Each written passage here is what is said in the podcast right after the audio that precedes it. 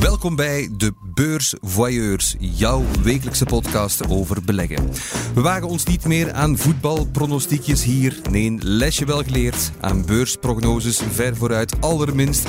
We houden ons hoofd dus recht, terwijl deze en vele andere beurscijfers worden beslecht. Dit en nog veel meer vandaag in de Beurs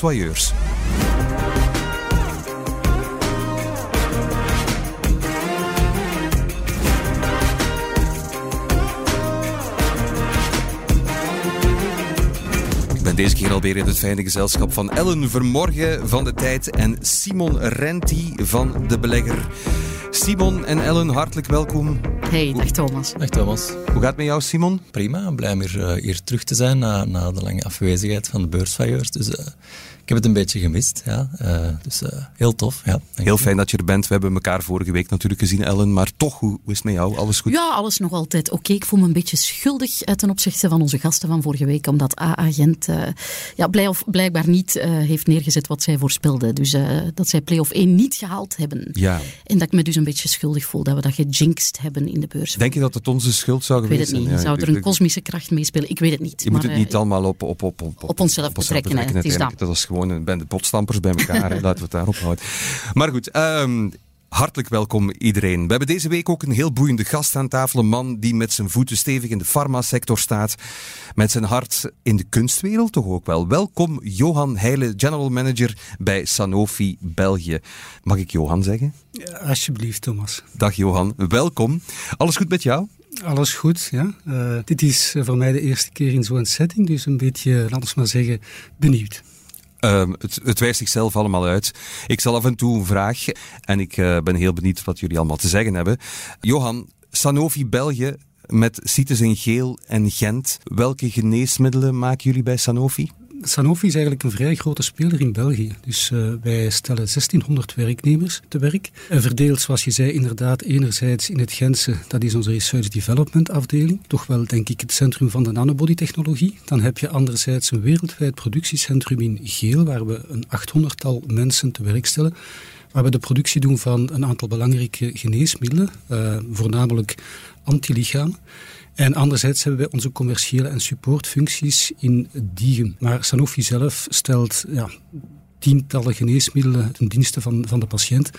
En een van onze focus is inderdaad op innovatieve geneesmiddelen waar de medische nood het hoogst is. En ik denk in de hoofden van de Belgische belegger, bekend als overnemer van Ablings. Je refereert naar de nanobody, uh, dat onderzoekscentrum, de, dat, de powerhouse rond nanobodies. Interessant. Een allereerste beleggingen trouwens. Is dat echt? Is ah, wel, ja. Kijk, voilà. Fantastisch. Ja, Ablings uh, ja, was, was een, een kroonjuweel in de Belgische biotech en is dan door Sanofi ingelijfd. Um, ik stond daar ook op de eerste rij bij die overname. Ik heb toen dat afscheidsinterview met Edwin Mozes toen gedaan de uh, CEO van Ablings. Dus dat is een verhaal dat, dat voor veel mensen, denk ik, uh, nog heel frontaal in het geheugen uh, is. Volgens mij ook de, de kortste Bel 20 carrière ooit. Ja, het was een korte doortocht, maar ja. een hele gesmaakte doortocht. Ja. ja. En dan heb je van die sentimentele mensen, gelijk ik, die dan zeggen, ah, nu is Ablings niet meer Belgisch. Maar uiteindelijk, wat doet het ertoe? Hè? Sanofi is een Frans bedrijf, maar uh, we zijn allemaal Europeanen en wereldburgers. Uh, misschien moet ik Je klinkt als Arno nu, dus... Uh, ah, ja, oké. Okay. een oude... Een oude nee, nee, En hij wist het al heel ja, lang. Hij, hij was een... Voilà, hij was, Wat ik wel nog even wil vragen aan jou, Johan, dus die, die nanobody-technologie, dat, ik, ik weet dat u iets met lama's heeft te maken en zo, maar kan je dat heel bevattelijk aan een boerenpummel als mij uitleggen? Ik zal mijn best doen, maar je weet dus, het, het immuunsysteem van een mens is gebaseerd op antilichamen. Nu, het immuunsysteem van een lama is gebaseerd op nanolichamen, nanobodies. En die zijn eigenlijk veel kleiner dan de menselijke antilichamen. En dat heeft veel voordelen. Een van de voordelen is bijvoorbeeld dat zij bepaalde targets kunnen bereiken die enkel maar door zeer kleine kanalen kunnen gaan. Ja. Mm-hmm. Anderzijds kan je die kleine nanolichamen ook combineren. Dus we spreken bijvoorbeeld van pentavalent nanobodies. Het grote voordeel is dat je daarmee een target, een vreemd lichaam, iets wat je wilt verwijderen uit het lichaam, op vijf verschillende manieren in één enkel molecule kan bereiken. Dus zeer mm-hmm. efficiënt uh, qua toepassing. En zonder het te plastisch te maken, uh, Thomas, ja, die worden denk ik geëxtraheerd uit de, de fecaliën van de lama in de alpaca? Of, uh, of je bedoelt dat, het, dat het lama-keutels zijn eigenlijk? Ah, wel, ja, ja, ja, ja, wel, ja. Of, uh, of, of heb ik dan mis, Johan? Zonder, Allee, ik wil hier met mijn gigabody niet te veel aannames doen over nanobodies die, die niet kloppen. Maar bon, ik vroeg me, dat, het is toch een plastisch verhaal, denk ik? Hè? Of, ehm, het is een plastisch verhaal, maar ik zou niet zo ver gaan. Je weet natuurlijk, het immuunsysteem komt voornamelijk uit, uit de witte bloedcellen. Ja. En die nanolichamen zitten uh, ook in die ah, ja, bloedcellen. Okay. Dus het, is, het, zijn niet de fecaliën. Dat is misschien een urban legend dan, uh, of niet? Ik vrees het. Je vreest het. het we gaan het nooit weten. Helemaal, uh, het is zoals het recept van Coca-Cola. wordt het ook niet. Maar ja, als je moet uitleggen dat je, dat je, ja, dat je lama-keutels verkoopt, dat is, dat is een moeilijk verhaal. Dat snap ik wel. Geen enkel probleem. Maar goed, iets helemaal anders. Je bent ook geïnteresseerd in kunst, Johan. Meer zelfs, uh, je maakt ook werken. Wat voor werken zijn dat? Ja, ik, ik, ben eigenlijk continu bezig met de zijnsvraag. En dat is iets wat mij intrigeert. Waarom is er iets en niet niets? Uiteraard, Heidegger heeft daar heel veel over geschreven. Uh, ik heb daar antwoorden op gezocht, uh, eigenlijk een beetje overal. Uh, in religie, in filosofie, uh, in kwantummechanica, zoek maar op. En ik heb geen antwoorden gevonden. Het gevolg is ook dat ik mijn onbegrip, maar ook verwondering probeer ja, te vertalen. En ik vertaal dat dan in een vorm van ik noem het braaksel. Ja. ik, ik, braak mijn onbegrip uit in kleuren en in beelden. Ja, dus... Maar het gaat, het gaat wel om, om, om iets existentialistisch dat je probeert te maken. Wat, wat eigenlijk wel opmerkelijk is, want je bent voortdurend bezig met, met mensen proberen gezond te maken door middel van die medicijnen enzovoort en, en die ontwikkelingen daarvan. Maar tegelijkertijd, jouw kunst gaat echt over leven en dood. De vraag rond leven en dood uiteraard, wat ermee gerelateerd is, staat centraal. Ja? Uh, als ik refereer naar, naar een aantal schrijvers of denkers, dan denk ik voornamelijk aan de negatieve theologie. Meister Eckhart is een voorbeeld, Spinoza is een, is een voorbeeld, die als het ware het goddelijke zien in alles. En hmm. ik vind dat een heel mooie filosofie, een heel mooie reflectie. Ik geloof ook intellectueel dat je daar wel je kan in vinden. Uiteindelijk zijn we niet meer dan golven. Ja? Wij zijn sterrenstof, golven. Maar anderzijds heb je natuurlijk ook en dat intrigeert me ook enorm, ik noem het het passionele nihilisme. Ja, waar eigenlijk de absurditeit van de mens wordt uitvergroot. Dan zit je bij, bij Camus en Sartre, ja, dan zit je daarbij. Dan zit je daarbij en inderdaad uh, zit je bij Camus, geweldige schrijver, fenomenaal. Maar dan zit je ook een stapje verder bij Nietzsche. Uh, en dan zit je eigenlijk nog een stapje verder bij Beckett. Ja? En Beckett is mijn, laten we maar zeggen, uh, mijn, mijn geliefd schrijver. en ja. daar krijg ik heel veel inspiratie van. Wachten op Godot is ook wat mij ter geeste komt bij sommige aandelen. Dat ik denk, wanneer komen die nu eindelijk? nee, prachtig om een wijsgeer aan tafel te hebben. Een, een medisch georiënteerd wijsgeer. Ik vind heel tof dat we misschien die kruisbestuiving tussen filosofie en de beurs een beetje gaan kunnen maken. Een mooie opstap om eens terug te blikken op de voorbije week. De beursblik. Daarin blikken we uiteraard terug op de voorbije week. Zoals voorspeld, wat stoten onze voyeurs tegen de borst? Waar ging hun hartje sneller van slaan? We horen het allemaal nu. Ellen, wat bracht jij mee? Yes, ik probeer altijd te kijken naar iets dat uh, een beetje aansluit bij het vakgebied van onze gast. Dus ik ben in de biopharma gebleven met een kapitaalverhoging bij Sequana Medical. Ken je dat bedrijf? Sequana Medical. Het is een, ja, het is een Gens bedrijf. En zij maken uh, vochtafdrijvingsoplossingen voor bijvoorbeeld leverpatiënten. Ook patiënten met hartproblemen. Mensen die uh, vocht in de buikholte ophouden en die niet goed reageren op diuretica, op vochtafdrijvende medicatie. Um, zij werken daaraan. Um, maar dat onderzoek op dit moment is van minder belang, want zij uh, halen kapitaal op. En dat is voor een kleine biotechbelegger altijd uh, een beetje sneu. Uh, zeker omdat uh, de manier waarop Sequana dat doet, is via een private plaatsing van nieuwe aandelen. Die zij gaan verkopen, niet aan jou en mij, Thomas, helaas, maar aan de grote vissen, aan de grote banken. Ah, dat gebeurt wel vaker. Ik heb er altijd een wrang gevoel bij. Dat is echt zo een beetje kaakslag voor de kleine belegger. Die, die trekt ja. wat aan het korte eindje. Ja, een beetje wel, want je mag niet meespelen. Hè. Dus er wordt tegen jou gezegd, jij mag niet intekenen op die nieuwe stukken. En wij bieden die aan aan die grote vissen, aan een promoprijs, aan een discountprijs. En zij geven 30 procent korting op de beurskoers. Dus stel dat jij een kleine belegger bent die heel erg gelooft in die leverpompjes van Sequana en jij zit daarin met je geld, dan zie je overnight via die private plaatsing zomaar eens 30 uh, procent, want dat was de korting nu op die aandelen van, van je belegging verloren gaan.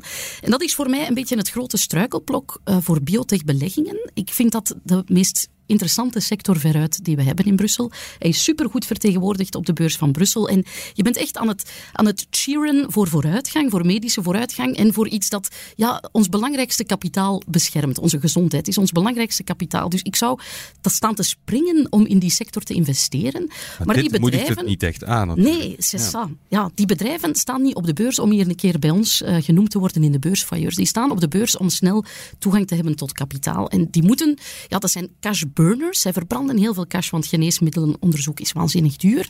Dus op gezette tijden moeten zij hun beurskoers aanspreken uh, via de uitgifte van nieuwe aandelen. Of nog andere uh, financiering die niet altijd wenselijk is en erg verwaterend kan zijn. Door bijvoorbeeld via A-schierfondsen dure financiering binnen te trekken. En dan ben je als kleine belegger toch altijd een beetje de klos, ongeacht je geloof in, in, waar dat bedrijf mee bezig is. Ja. Hoe, hoe, hoe, denk jij daarover, Johan? Want het is, ja, het is niet zo heel fijn tegenover de kleine belegger. Beleg je er zelf in? In dit specifiek bedrijf wil je ja, of in, in, biotech, biotech, als geheel? Dan ga ik eigenlijk liever werken via een fonds. Ik heb een aantal investeringen gedaan in kleinere bedrijven, ook biotechbedrijven, die niet noodzakelijk altijd zijn ja, teruggekomen. Maar ik volg wel van op afstand. Daarmee bedoel ik dagelijks wat ik zie, wat er gebeurt in de biotechwereld. En dus inderdaad, Sequana is een, denk ik een, een typisch voorbeeld van een biotechbedrijf dat regelmatig geld nodig heeft. Ik refereer even naar Ablings. Uh, we hebben een uh, beursintroductie gedaan op uh, Nasdaq. Ja. Uh, we hebben daar 230 miljoen dollar opgehaald en dat was ook uh, via institutionele beleggers. Ja? En dat, is, dat gebeurt overnight. Ja, dan wat doe je dan? Mm. Wel, dan doe je als bedrijf, ja, zowel CEO als commerciële diensten, uh, ja, roadway naar de grote mogelijke investeerders en je probeert inderdaad je boekje vol te hebben totdat je tot, tot op dat bedrag komt. Ja? En dat is zeer efficiënt. Ja. Dat is heel snel, die snelle boekbeeld. Ik, ik snap waarom ze populair zijn, maar als kleine belegger... Dat je dan... Het de een beetje, inderdaad. Zeker als het zo'n grote korting is is dat zuur. En het is geloof ik al de vierde keer dat ze met zo'n kapitaal nou, rondkomen. Nou, in korte tijd, ja, dan ben je gedesillusioneerd. Ja, een beetje gek ook dat ze zo lang gewacht hebben, want de markt wist al langer dat ze geld nodig hadden. En hoe langer dat, dat duurt, ja, dan, dan glijdt die koers verder af. Dan moet je eigenlijk nog, aan nog lagere koersen kapitaal gaan ophalen. Het is ermee dat ze altijd zeggen van in biotech of in medtech, je moet eigenlijk geld ophalen als het kan en niet als je het nodig hebt. Ja, het ijzer smeten als het heet is, als je beurskoers hoog is. We hebben met Argenix een schitterend voorbeeld van hoe dat mhm. kan. Dus ja, het hoeft niet altijd een negatief verhaal te zijn, verre van. Maar... ik vraag me af, van, is het dan slim om eerder in fondsen te beleggen die in meerdere biotech investeren, dan wel op een paar aandelen van één bedrijf te mikken? We zeggen inderdaad altijd van beleggen, spreiding is belangrijk, maar bij dit soort aandelen is er nog veel meer uh, in deze sector moet je echt zien dat je niet al je eieren in één mand legt. Ja. Dus eh, zeker bij die, bij die ja, biotech, medtech bedrijven die nog niet echt een product hebben dat al gecommercialiseerd wordt, is het echt spreiden ofwel via, via fondsen of zo uh, gaan beleggen. Mhm. Want bijvoorbeeld Ablings is dan echt een succesverhaal geweest, maar per succesverhaal zijn er zoveel... Uh, die het niet halen. Ja, dat is het binaire van die sector, dat je onderweg naar een nieuw geneesmiddel sneuvelen er tientallen andere kandidaten. Ja. Oké.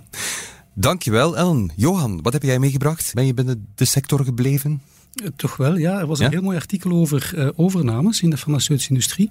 Ja. Uh, in de tijd? In de tijd, Ach, inderdaad. waar anders. Prachtig toch. Um, en ik zag zelfs een subtitel Deal Fever. Ik vind dat een prachtig woord, Deal Fever. Ja. Overname koorts. En ik heb dat zelf ook gevoeld bij de ja, ganse saga rond Ablings. Uh, dus ik vond dat wel een gepast onderwerp. Ja, dat is een mooi onderwerp, want we zitten met, denk ik, uh, een patentenklif die er aankomt. Er zijn heel veel geneesmiddelen die, uh, ja, wiens patent gaat vervallen, grote blockbusters. En de grote bedrijven, waarschijnlijk ook Sanofi, kijken daarom opnieuw naar, uh, naar, ja, naar prooien, naar bedrijven om over te nemen om die pijplijn aan te vullen. Of hoe, hoe manifesteert die dealdrang of die dealkoord zich in uw ogen? Ellen, dat is zeer juist. Hè. Het, is, het businessmodel van de farmaceutische industrie is transparant. Ja. De focus ligt op ontwikkeling van innovatieve geneesmiddelen waar er een hoge medische nood is. Als dat lukt, en ik zeg wel als, want dat is geen sinecure, uh, als dat lukt, dan ben je gedurende een periode beschermd, heb je een patentperiode. Dat wil zeggen dat in die periode er geen witte producten, generieke, biosimilairen, de markt zullen uh, uh, ja, ook, ook deel het, maken van, van die markt. Mhm. na een aantal jaren vervalt dat patent. Het gevolg is dat er een onmiddellijke significante prijsreducties. Bijvoorbeeld in België spreken we over onmiddellijk min 60%. En bovendien heb je dan inderdaad die generieken die bijkomende competitie veroorzaken. Om een lang verhaal kort te maken, dat wil eigenlijk zeggen dat op dat moment is uw business niet meer rendabel. Ja? Dus wat kan je doen als speler, ik maar zeggen, uh, vrij belangrijke massa die je moet meenemen. Dan denk ik voornamelijk aan workforce, aan, aan ganse structuur. Ja, dan moet je inderdaad op zoek gaan naar die innovatieve geneesmiddelen. En dat kan je doen door intern onderzoek, wat gebeurt. kan je ook doen door extern te gaan kijken, zijn er geneesmiddelen die passen in mijn portfolio. Ja, en dat is wat we nu zien gebeuren met, met denk ik stevige waarderingen ook. Je ziet ook vaak een, negatieve koersreactie bij de overnemer. Ja. bij de, de overnameprooi heb je natuurlijk al een, een koers die omhoog springt, maar heel vaak zien beleggers dat niet heel graag zitten, dat er zo'n hoge Nee, niet, niet bij de, de overnemer, maar bij de pro, ja. daar wil je dan wel in zitten. Hè. dus wacht even, dus we moeten eigenlijk investeren in dat soort bedrijven in de mhm. prooi. Ja, waarvan we vermoeden dat ze een potentiële aanvulling zijn op de pijplijn van de grote jongens. Ja, ja. Dat kan je inderdaad als belegger op proberen inspelen, Thomas. Dat je zegt van dat lijkt mij uh, een potentiële overnamekandidaat. Maar dat blijft natuurlijk altijd ja, speculatief. Ja, je moet toch goed op de hoogte zijn om dat allemaal in de gaten te houden dan. Ja, maar het is wel waar dat die een dealmolen wel terug op gang komt. Dus als belegger wel interessant. Om... Of Sanofi iets van plan is. Ah ja, hier, inside information. ja, hier, hier zitten ze. Oeh, oeh, hier. Hoera. Zullen we het wel voor ons houden. Ja. Maar je hebt ook gezien dat Sanofi inderdaad actief is in, in de business development wereld. En nog niet zo lang geleden is er ook een overname gebeurd van Provention, voornamelijk in diabetes type 1. Um, maar om even terug te komen op, moet je dan inderdaad je gaan richten op biotechbedrijven? Die ah, maar ik dacht dat er een vraag was gesteld. Als ik me niet vergis, was er een vraag gesteld. Ik zit niet in het executive team ja, van uh, Sanofi wereldwijd. Maar het zou mij sterk verwonderen moest Sanofi niet geïnteresseerd zijn in overnames. Ja? ja. Dat, dat kristalliseert zich ook uit wat we gezien hebben de laatste jaren. Dus ik zou niet verwonderd zijn moest dat in de toekomst of de nabije toekomst gebeuren. Maar ik kan u toch, Thomas, even terugkomen uh, op hetgeen wat dat ik uh, wou zeggen. Dus jij zei, uh, moeten we dan kijken naar biotech-spelers die mogelijkwijs een prooi zouden kunnen zijn voor grotere farmaceutische bedrijven? Ik denk ja, inderdaad, want dat kan een zeer interessante belegging zijn. Je moet ook natuurlijk weten dat als je een biotech-speler bent met enkel een uh, platform, ja, dat je dan natuurlijk nog heel veel te bewijzen hebt. Ja? Als je al een aantal moleculen hebt in fase 1, dan ben je al ergens, maar eigenlijk ben je nog nergens. Ja? Fase 2, positieve fase 2 resultaten zijn, zijn, zijn zeer veelbelovend. Positieve fase 3 resultaat is natuurlijk het... Uh, het, het summum, het, wenselijke. Ja. je wilt dus heel dicht bij commercialisering staan als je naar die prooien gaat kijken. Ja, er worden ook wel stevige premies voor, voor dat soort bedrijven uh, neergeteld, heb ik de indruk. Ik denk aan Merck, dat vorige week een Californisch bedrijfje heeft overgenomen dat ik nog nooit van had gehoord. Prometheus, bedrijf dat uh, middel ontwikkelt tegen chronische darmontsteking. En dat was met 75 70% premie op, op de beurskoers. En je hebt er nog zo, hè, waar, waar, uh, ja, uh, waar toch diep in de buidel uh, wordt getast om, om de pijplijn aan te vullen. Maar dat is ook logisch als je weet dat er 190 medicijnen, denk ik, Johan, verbeter mij als het fout is, voor 2030 190 medicijnen op vervaldag komen. Waaronder Merck's Keytruda, hè, een blockbuster in immuuntherapie tegen kanker. Dus ja, zij zijn natuurlijk, hè, als jij zegt 60% van de, van de inkomsten vallen weg, ja, dan moeten zij ageren en dan moeten zij op zoek ja, gaan. Er zijn ook synergieën voor de, voor de overname prooi zelf. Want ze hebben misschien, niet de, ze hebben misschien wel een goed product, maar niet de commercialisatie-infrastructuur ja. dat een grote speler wel heeft. Dus voor hen kan het ook positief zijn. Hè. Ja. Er zijn ook spelers zoals het vroegere Thrombogenics, dat eigenlijk in een hele late fase, commercialisatiefase, eigenlijk... Uh, hun doelen niet gehaald heeft. Ja. ze waren misschien beter met een grotere partner in zee gegaan. In gegaan. Ik hoop alleen, dat is weer mijn inner patriot speaking, dat Argenix ondertussen, ondertussen groot genoeg is om buiten, buitenlandse, dat het niet meer kan. Ik denk dat ze een market cap van 20 miljard hebben ondertussen. Maar ja, ja, ik, ik, ben, ja kijk, ik hoop dat dat Belgisch uh, kan blijven. Ik onthoud toch uh, vooral uh, goed inlezen voor je aandelen in de, in de biotech begint te kopen. Dat is een wijze les. Ik ben ook benieuwd wat jij hebt meegebracht trouwens, Simon. Uh, ik wil eens even stilstaan bij de VIX. Wat is de VIX? Dat is de volatiliteitsindex. Dus um, die blaast uh, 30 kaarsjes uit. Dus in 1993 werd die door de beursgroep CBOE werd die gelanceerd. En, um, dat is 30 jaar geleden. Is die nog altijd even relevant? Goh, uh, hij krijgt hier en daar wel een beetje de kritiek. Dus wat die, die indicator doet is, um, die gaat een beetje de, de onrust op de markten meten. Dus het gaat niet over gaat de beurs omhoog of naar beneden, maar het is een soort van hartslagmeter uh, van de markt, die dus omhoog gaat als de beurzen meer gaan bewegen. Hoe gaat men dan berekenen? Dat is aan de hand van, van de optiemarkten. Gaat men eigenlijk kijken, opties die gemiddeld binnen de 30 handelsdagen uh, vervallen. Welke premies stelt men daarvoor neer? En hoe hoger die premies zijn, hoe bewegelijker uh, dat de markt is. Mhm. En zo kan je daar een, een beetje een, een, een, beeld van vormen. Um, er bestaat een soort van een regel van 16. Uh, dus op dit moment noteert de VIX op, op 17,5 of zo. Zeer laag, hè? Dat is ja, een zeer dat laag. dat is relatief laag. En laag wil zeggen... Ja, laag wil zeggen dat er ogenschijnlijk dus rust zou moeten zijn op de beurzen. Hè? Dat is toch wat die VIX, die angstbarometer ons vertelt. Mhm. Die staat laag. Dus het is goedkoop om je te beschermen op dit moment. Terwijl het eigenlijk duur zou moeten zijn om je te beschermen. Allee, vind ik, dus, maar dat brengt jou waarschijnlijk tot jouw punt. Uh, is die VIX een beetje kapot?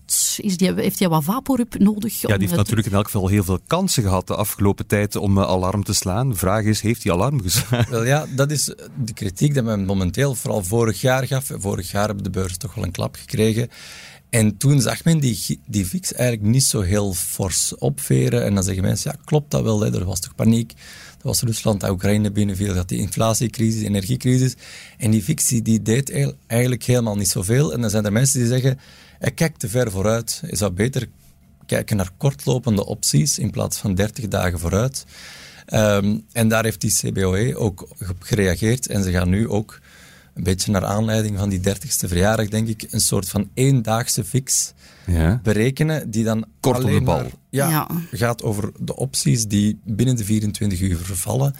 Wat dus veel meer de, de directe actie van de markt zou, uh, Precies die opties liggen een beetje aan de basis van de vertekening, denk ik, Simon. Er is een heel grote rush nu op van die opties die bijna op vervaldag zitten. Ik ga niet te mhm. technisch worden, want dat is trading speelgoed tot en met. En dat lokt heel veel mensen, institutionele, maar ook particulieren, die volgens mij hun gat daar aan verbranden. Maar het is volgens mij door die uh, bijna expirerende opties dat we ook een vertekening zien op de VIX en dat die niet meer um, de angstbarometer is waar je echt op kan tellen als belegger. Ik weet dan ook niet of die ingreep van het CBOE. Ja, is, is dat misschien ook een beetje commercieel. Ja, absoluut. Ze kunnen daar ze hebben weer iets nieuws. Dat is weer nieuw volume, ja. Ja, ze kunnen daar weer wat nieuwe producten op, op uh, enten. En uh, ze hebben ook verschillende. Er bestaat ook een soort van fix van de fix die dan de bewegelijkheid van de fix gaat meten. En dan krijg je opties op derivaten op opties van derivaten. En dat is een straatje ja. zonder eind. En ik vind dat, dat, dat die beursuitbater, CBOE in Chicago, de optiebeurs, ook wel wat boter op het hoofd heeft. Dus, ja, dat zijn mega gevaarlijke producten voor de kleine belegger. Maar ja, zij laten dat ongebreideld tieren, uh, tot als dat potentieel een gevaar kan zijn voor de brede aandelenmarkt. Ik hou er allemaal niet zo heel erg van. Vraag het gewoon aan Simon en Ellen. Dat lijkt mij het veiligste in plaats van naar die fix te zitten loeren, want de uitleg is heel goed, maar af en toe voel ik toch al een spreekwoordelijke aap uh, in mijn schedel zitten met cymbalen. dus ik ga het gewoon aan jullie vragen of de gazet lezen. Dankjewel, Simon. Uh, ik vind het wel eens tijd om in de portefeuille te gaan kijken van onze gast vandaag, van Johan. Heel erg benieuwd wat we daar allemaal zullen vinden.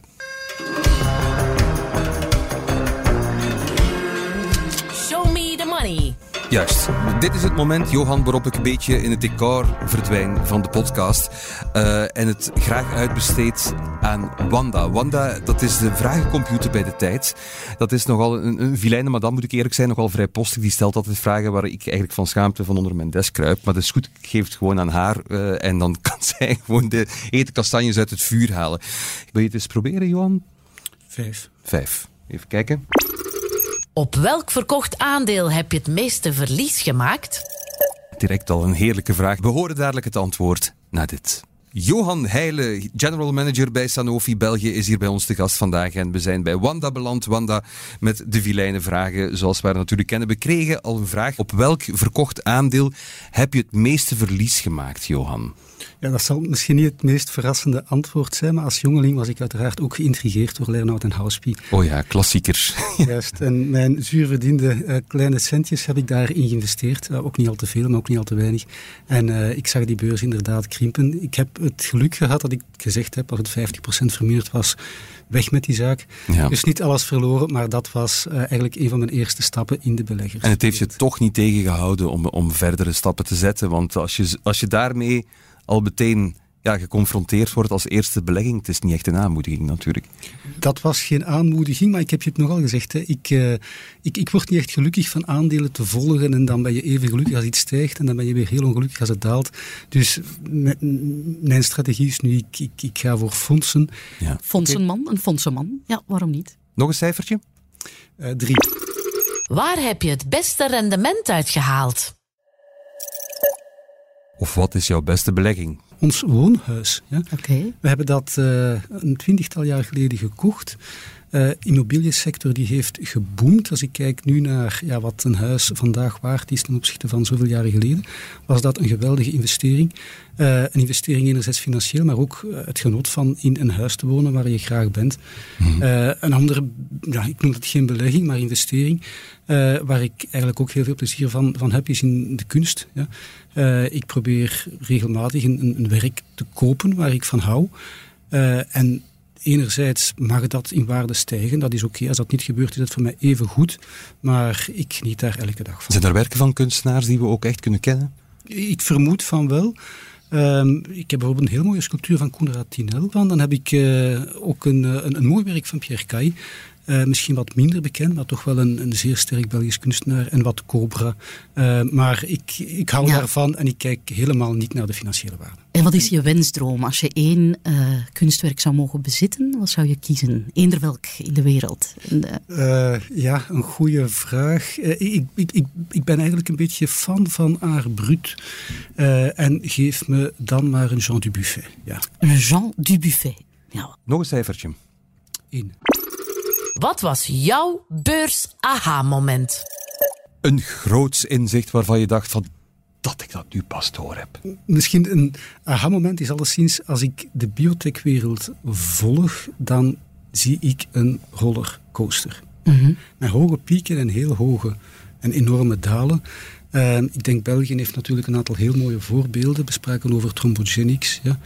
Uh, geprezen en uiteindelijk toch uh, niet waargemaakt. Uh, ik refereer ook naar Galapagos. Uh, heeft toch ook hele, hele mooie uh, koersnoteringen gekregen. En uiteindelijk toch ook weer diep gevallen. Um, onder zijn, onder zijn onder cashpositie. Zijn cashpositie, ja. ja. Dat is cash met korting dat je koopt als je Galapagos koopt. Niet dat ik ja. daar een koop aan wil een, idee voor, uh, een idee voor Sanofi. Ja, kijk er eens naar. Wie weet. Maar, er zullen veel mensen blij om zijn. Ja. Ja. Maar je hebt eigenlijk in België heel wat aan. Ik denk aan Celiat, ik denk aan Mitra, ik denk aan Biocartis en zo verder. Je hebt natuurlijk ook, laten we maar zeggen... Uh, bedrijven die het zeer goed gedaan hebben. Ablings was een voorbeeld, Argenix, Ellen, je hebt het aangehaald, is een voorbeeld. En mijn aha-moment is, ja, je weet eigenlijk nooit goed hoe het gaat eindigen. Mm -hmm. En om even richting Wagner te gaan, uh, it ain't over until the fat lady sings. Ja? Maar dat is een beetje zo met biotech. Ja? ja. Zelfs refereer ik naar Thrombogenics, toch een fase 3 moleculen, positieve resultaat. Je denkt, dit kan niet meer stuk, het gaat toch nog stuk. Um, dus die rollercoaster was voor mij een aha-moment. Kijk, een, een... Vertrouw het nooit. Ja, het is niet voor hardleiders. Hè. Het is absoluut niet voor hardleiders. maar, maar, ja, ik wil dat dan zeggen dat je er niet meer in naar moet kijken. Allee, ja, ik ben ook wel, ik blijf wel een, een, een cheerleader voor die sector. Omdat je echt met zulke belangrijke ontwikkelingen bezig bent. Inderdaad, de voorbeelden zijn veel talrijker van degenen die het niet gehaald hebben dan degenen die het wel gehaald hebben. Maar daarom moeten we dan gewoon kei fier zijn. Allee, Argenix, ja, kom aan, dat is, ons, dat is onze tro... Allee, ja, ja, ja, ik ben er mega fier op, op dat bedrijf. Dus inderdaad, ja, als kleine belegger gewoon de ultieme caveat past er gewoon mee op. Um, wat niet wegneemt dat er ook mooie, uh, zeer mooie verhalen uh, zitten waar je wel echt uh, mooi rendement op kan halen. Of die echt tot de wasdom of tot mhm. medicijn mm. komen. Ja. Oké, okay, Johan. Zullen we nog een cijfertje proberen?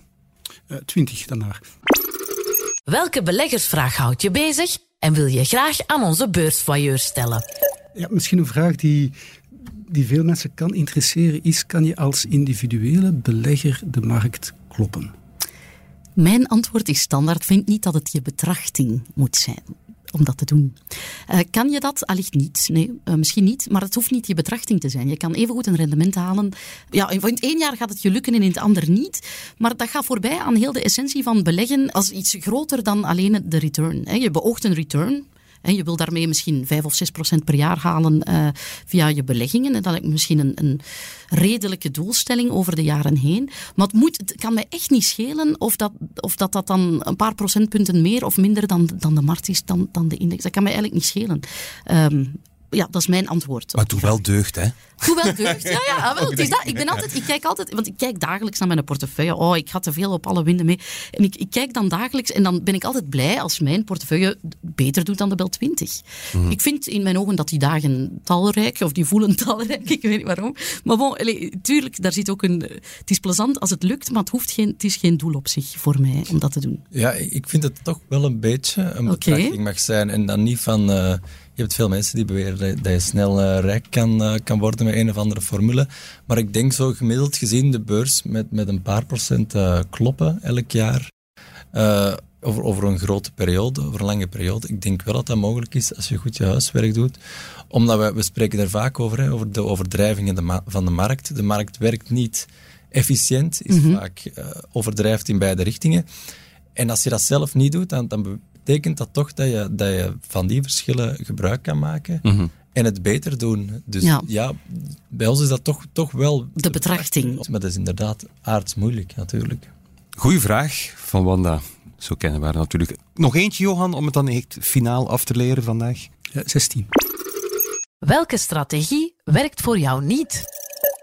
Dat is individuele aandelen. Ja. Werkt voor jou niet. Je, hebt het, je hebt het wel ooit geprobeerd om vast te stellen van ja, dat, dat, dat ga ik dus niet meer doen. Het negatieve gevoel dat je hebt bij een, een verlies is voor mij eigenlijk groter dan het positieve bij een winst. Mhm. Eh, en ik heb eigenlijk te veel andere dingen die ik belangrijk vind mhm. om, om daar mijn tijd in te steken. En misschien praat ik een beetje tegen jullie winkel? Nee hoor, ja, wij hebben geen winkel. Wij verkopen, uh, wij verkopen geen aandelen of fondsen of gelijk wat. Nee. Maar ik ga hetzelfde zeggen als wat ik vorige week heb gezegd. Je mist een beetje fun. Voor mij zit het fun-element daarin. En dat is voor mij wel belangrijk. Uh, ja, het, het mede-eigenaar zijn en het deelgenoot zijn. Van, maar ja, voilà, dat is weer andermaal een persoonlijke keuze. Zoveel beleggers, zoveel aanpakken. Hè? Ja. Oké. Okay. Viel het mee, Johan? Zo erg was dat nu toch niet, hè, Wanda? Ik ben er nog steeds, dus... Uh... ja, gelukkig. Niet weggelopen. Nee, nee, alsjeblieft nu niet, uh, want we gaan uh, een luisteraar helpen. De hulplijn. U wist ons deze week ook weer vlot te vinden, beste luisteraar. waarvoor dank, want ja, we zijn hier om jou te helpen. Deze week heet onze luisteraar Louise. Beste Louise, hallo. Hallo. Dag Louise, wat is jouw vraag? Uh, mijn vraag is, wat is jullie standpunt over technische analyse? Vinden jullie dat astrologie of zit er toch een grond van waarheid in? Jij studeert dus nog, Louise? Ja, dat klopt. Je belegt ook al? Ja, een beetje. Wauw.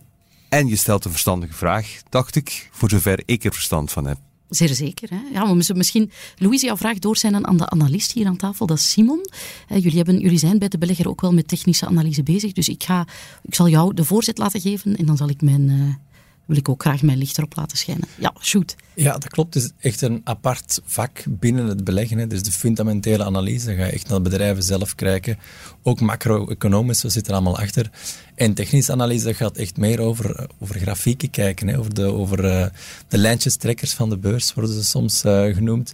Dus um, dan gaat men echt ervan uit dat, dat de geschiedenis zich herhaalt en dat je bepaalde koerspatronen kan, kan terugvinden, dat die zich herhalen en dat je dus ja, informatie uit de grafiek zelf kan halen. En een technisch analist hoeft zelfs bijna niet te weten, als hij naar een aandelenkoers of een koers van weet ik veel wat kijkt, wat dat er eigenlijk achter zit, om te zeggen van ja, ik ga nu uh, binnen die trend bewegen en, en uh, een uitbraak uh, proberen te vinden en, en dat soort zaken. Kortom, het is geen astrologie, het is zo dat je, als je de juiste lijntjes trekt, uh, parallellen kan zien. Daarover bestaat discussie. Er zijn fundamentele analisten die zeggen van, ja, daar hou ik mij helemaal niet mee, mee bezig. Dat heeft niks met beleggen te maken. En er zijn specialisten die echt zeggen van, ja, ik ben alleen maar met, met technische analyse uh, bezig. En, en wat is jouw gevoel? Ik vind dat toch een, een handig uh, hulpmiddel om, om een beetje aan timing te gaan mm -hmm. doen uiteindelijk is iedereen ergens wel een technisch analist. Ik denk dat niemand ooit een aandeel koopt zonder, zonder eerst, al eens, eerst al eens naar die grafiek hebben gekeken, al is het maar vanuit een soort buikgevoel van, oh ja, dat ziet er wel goed uit. Of, hoe mij, ik, mij, je... bij die grafieken, ik, ik kreeg, ja. het zweet breekt mij uit bij het woord ah, grafiek alleen al. Maar, dus zo ver gaat het mij, mij. breekt het zweet dan ook uit, Thomas. Dus ik volg jou, want wat mij tegensteekt uh, bij technische analyse is het overmatig complexe jargon. Ze willen mensen echt... je, je liet dan al een titel van uh, een nieuwe upswing in Shell. Of uh, een, een, een, een FIBO-lijn in ASML I don't know, dat, dat wordt echt heel complex gemaakt. Ze spreken dan van kaarsen bijvoorbeeld, een white candle. Dat wil niet meer zeggen dat dat uw aandeel stijgt. Hè, mannetjes, zegt dan gewoon uw aandeel stijgt. En niet een white, we zitten in een white candle die uh, richting breakout. Voor mij is dat allemaal een beetje mambo jumbo. Het enige nut, Louise, dat ik zie aan uh, technische analyse als kleine belegger is om te kijken wanneer is je bodem gevormd. Hè. Je wilt niet kopen als een aandeel nog lijnrecht naar beneden aan het gaan is, want dan, val je, dan, dan vang je dat vallend mes en dat wil niemand. Dat je kijkt wanneer is er een bochtje ingezet en zit je terug in een opwaartse beweging en dat je dan probeert, wanneer dat bochtje nog niet te ver is ingezet, daar je koopmoment te, neer te leggen. En dat is voor mij veruit misschien, voor mij persoonlijk als belegger het enige uh, wat ik doe. Ja, het bochtje. Met die, dat het bochtje, moet al even terug ja, naar omhoog gaan. Dat bochtje, ja. Het ja. omgekeerde misschien ook. Als je, als je ziet dat een, dat een koersgrafiek eigenlijk exponentieel aan het stijgen is, altijd maar sneller en sneller, dan kan dat ook een indicatie geven van ja, misschien is er al wat te veel uh, kooppaniek in zo'n aandeel. En moet je dan ook tot het bochtje wachten, dus waar het terug een beetje lijkt af te platten, waar, waar de kool uh, een beetje een percentage ja, aan het dalen is? Van, ah, dus je, hebt, je, hebt, mensen die naar de, de RSI kijken, de relatieve sterkte-index, die gaat... Uh, gaat gaan berekenen of er op korte termijn een aandeel te hard stijgt of daalt. En dan heb je technische analisten die zeggen, ik wil nu niet te, te veel in detail treden, maar als de RSI al begint te dalen, of een lagere top neerzet, en de grafiek zet nog een hogere top neer, dan moet je verkopen, bijvoorbeeld. Dat Oh, zou ja. één strategie kunnen zijn. Maar het is inderdaad heel complexe materie. En het wordt complex gehouden, vind ik, Ja. door, door het jargon. Het is geen astrologie, Louise. Ik denk dat we daar moeten... Nee, ik, ik vind het een, een handig hulpmiddel, maar zeker als je te veel wilt gaan handelen en echt gaan, gaan daytraden, weet dan dat, dat uh, ik geloof dat 95% van de traders verlies maakt. Dus je moet jezelf al heel goed vinden om te zeggen van ik ga bij die, die 5% uh, horen. Maar uh, het, is, het is een handig hulpmiddel naast de fundamentele Ja, analyse. als lange termijnbelegger blijft fundamentele analyse vele malen belangrijker, lijkt mij. Want het een gaat niet zonder het ander. Daar volg ik Simon ook wel, uh, wel in. Oké. Louise, was het een goed antwoord? Ben je daarmee uh, ja, echt van een antwoord voorzien? Heb je nog vragen? Uh, ja, ik kan ermee leven. Oké. dus het is geen astrologie, maar toch een handig hulpmiddel. Voilà, ik denk dat dat de slotsom is. Ga je, ga je dat voortaan nu in de gaten houden, nu je dat weet? Uh, ja, toch wel. Ik hoor het enthousiasme eraf spatten ook, dus ik... zeer goed. Oké, okay, Louise, het was een heel interessante vraag. Daar wil ik je graag voor bedanken. dat is graag gedaan. Dag Louise, als je er nog hebt, je weet ons te vinden. hè? Oké, okay, dat is goed. Dag. Oké, okay, fantastisch. Ja, en u ook natuurlijk. Uh, al wie vragen heeft, uh, aarzel niet om ze te stellen. Podcast.tijd.be. We helpen jou heel graag. Bedankt allemaal om zo fijn mee te denken. Ik uh, hoor dat Louise geholpen is. Daar doen we het voor natuurlijk genoeg stilgestaan bij deze week. Tijd om eens vooruit te blikken naar volgende week. De blik vooruit. Waar kijk jij nu al naar uit voor volgende week, Ellen? Uh, voor de volgende week, het is het 1 mei weekend, een lang weekend. Maar zelfs op 1 mei zijn de resultaten bij NXP Semiconductor, een uh, bedrijf in halfgeleider spin-off van Philips. Um, ik zou eigenlijk willen zeggen, nu ik Johan ken, dat ik extra ga uitkijken naar de cijfers van Sanofi. Ik ga daar een boek van Heidegger bij lezen. Ik ga daar een, een werk van Dubuffet bij bekijken. Ik ga aan jou denken. Als ik Mogen we wel iets weten? Is het goed nieuws? Mogen we ons feesthoedje al opzetten? Of, nog, uh, of loop ik op de zaak vooruit? Maar je hebt de evolutie gezien van Sanofi de laatste jaren. Ik denk dat die eigenlijk uitermate positief is. Uh, we hebben ook een aantal geneesmiddelen en één specifiek geneesmiddel uh, dat verschillende indicaties heeft, dat toch wel, denk ik, een hele mooie toekomst heeft. En welk geneesmiddel? Uh... Dupilimab, maar ik zal de trade-naam niet uitspreken. Duplixent. Nee, dat is niet dat. Nee, nee. Oh, ja. Je bent er bijna. Bijna, oh wel ja. Okay. Waar kan ik het tegen gebruiken? Dat is misschien ook uh, interessant om te weten. Indicaties in België momenteel is astma, is atopische dermatitis, maar er zitten heel wat andere indicaties. Fantastisch. Okay, we zijn benieuwd. Boeiende sector toch? Heel, heel, heel fijn. Maar Thomas, ik wil toch even daarop inspelen, als ik mag, want jij zegt boeiende ja? sector. En dat valt me eigenlijk op als je vraagt aan bijvoorbeeld een buitenlander, wat is voor jou karakteristiek voor België? Ja? Een beeld, een symbool, en dan ga je misschien horen bier, anderen gaan misschien zeggen pralines, misschien gaan anderen zeggen voetbal. Heel zelden wordt er gezegd dat dat een hotspot is voor farmaceutische ontwikkeling. Ja? Maar dat is eigenlijk waar België voor staat. Als je kijkt naar de tewerkstelling in België voor de farmaceutische industrie, is 40.000 directe jobs, 50.000 indirecte jobs. Dat is fenomenaal. Als je ook kijkt naar de investeringen, research and development in innovatie, dan spreken we over 5 miljard per jaar. Nu, ik ga dat in de context zetten. 5 miljard, wat wil dat zeggen? Dat is meer dan in Frankrijk. Hè? Dat is bijna zoveel als in Duitsland. Dus wij zijn daar echt wel een, een, een Champions League speler. Ja. Um, op het Vlaams gedeelte. En 27 procent ja, van de export wordt gegenereerd door de farmaceutische industrie. Ja, uiteraard ook een link naar de productie van uh, covid-vaccins.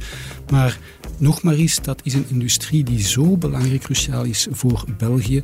Um, en ik denk dat dat toch wel in de verf mag gezegd worden. Nou, het, is een, het is een kroonjuweel van onze economie. Hè. Dat is absoluut zo. En tof dat ze met jou een goede, goede ambassadeur hebben daar ook voor. Ja. Ik neem aan dat dat dan uh, het moment is waar je ook naar uitkijkt voor volgende week. Of heb je toch nog iets anders gekozen? Johan? Uh, uiteraard, Sanofi, dat staat uh, op nummer 1. Ja. Uh, maar ik ben inderdaad ook bezig met kunst. ik heb een recente expo gehad in het Stadsmuseum in Diest. Dat is nu een aantal maanden gedaan. dat was trouwens een heel mooi succes. We hebben daar 2000 enthousiaste bezoekers gehad. Okay. met jouw werken die daar geëxposeerd zijn? Inderdaad, ja. dat waren mijn werken in ja. combinatie met mijn, met mijn oom Jan Heilen. Uh, die is helaas overleden voor ik geboren was, maar dat was al sinds wel een, een, een sterk kunstenaar. Was ook uh, geselectioneerd voor de wereldtentoonstelling in Brussel. Dat was een leerling van Osip Satkin. Uh, dus het was voor mij eer om met die zijn sculpturen te kunnen, te kunnen tentoonstellen. en ik heb ook getracht om uiteraard deze opportuniteit van die expo te gebruiken voor te kijken naar andere connecties met de kunstwereld, andere exposities.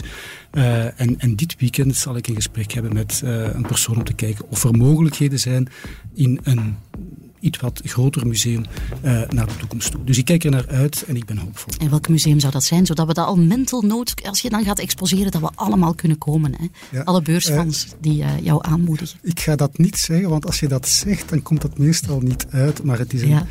groot museum. Groot. Laat, laat ons... we gaan, we gaan het niet jinxen. We gaan het niet, nee, het is dat. Hè. We hebben dat vorige week al voor gehad met AA Gent in de nederlaag. We gaan dat niet jinxen. Nee. Ik wens je heel veel succes in elk geval. Heel, heel fijn. Simon, Kort, uh, volgende week. Wat, ja, het zijn drukke cijferweken, dus er komt, uh, komt heel wat binnen.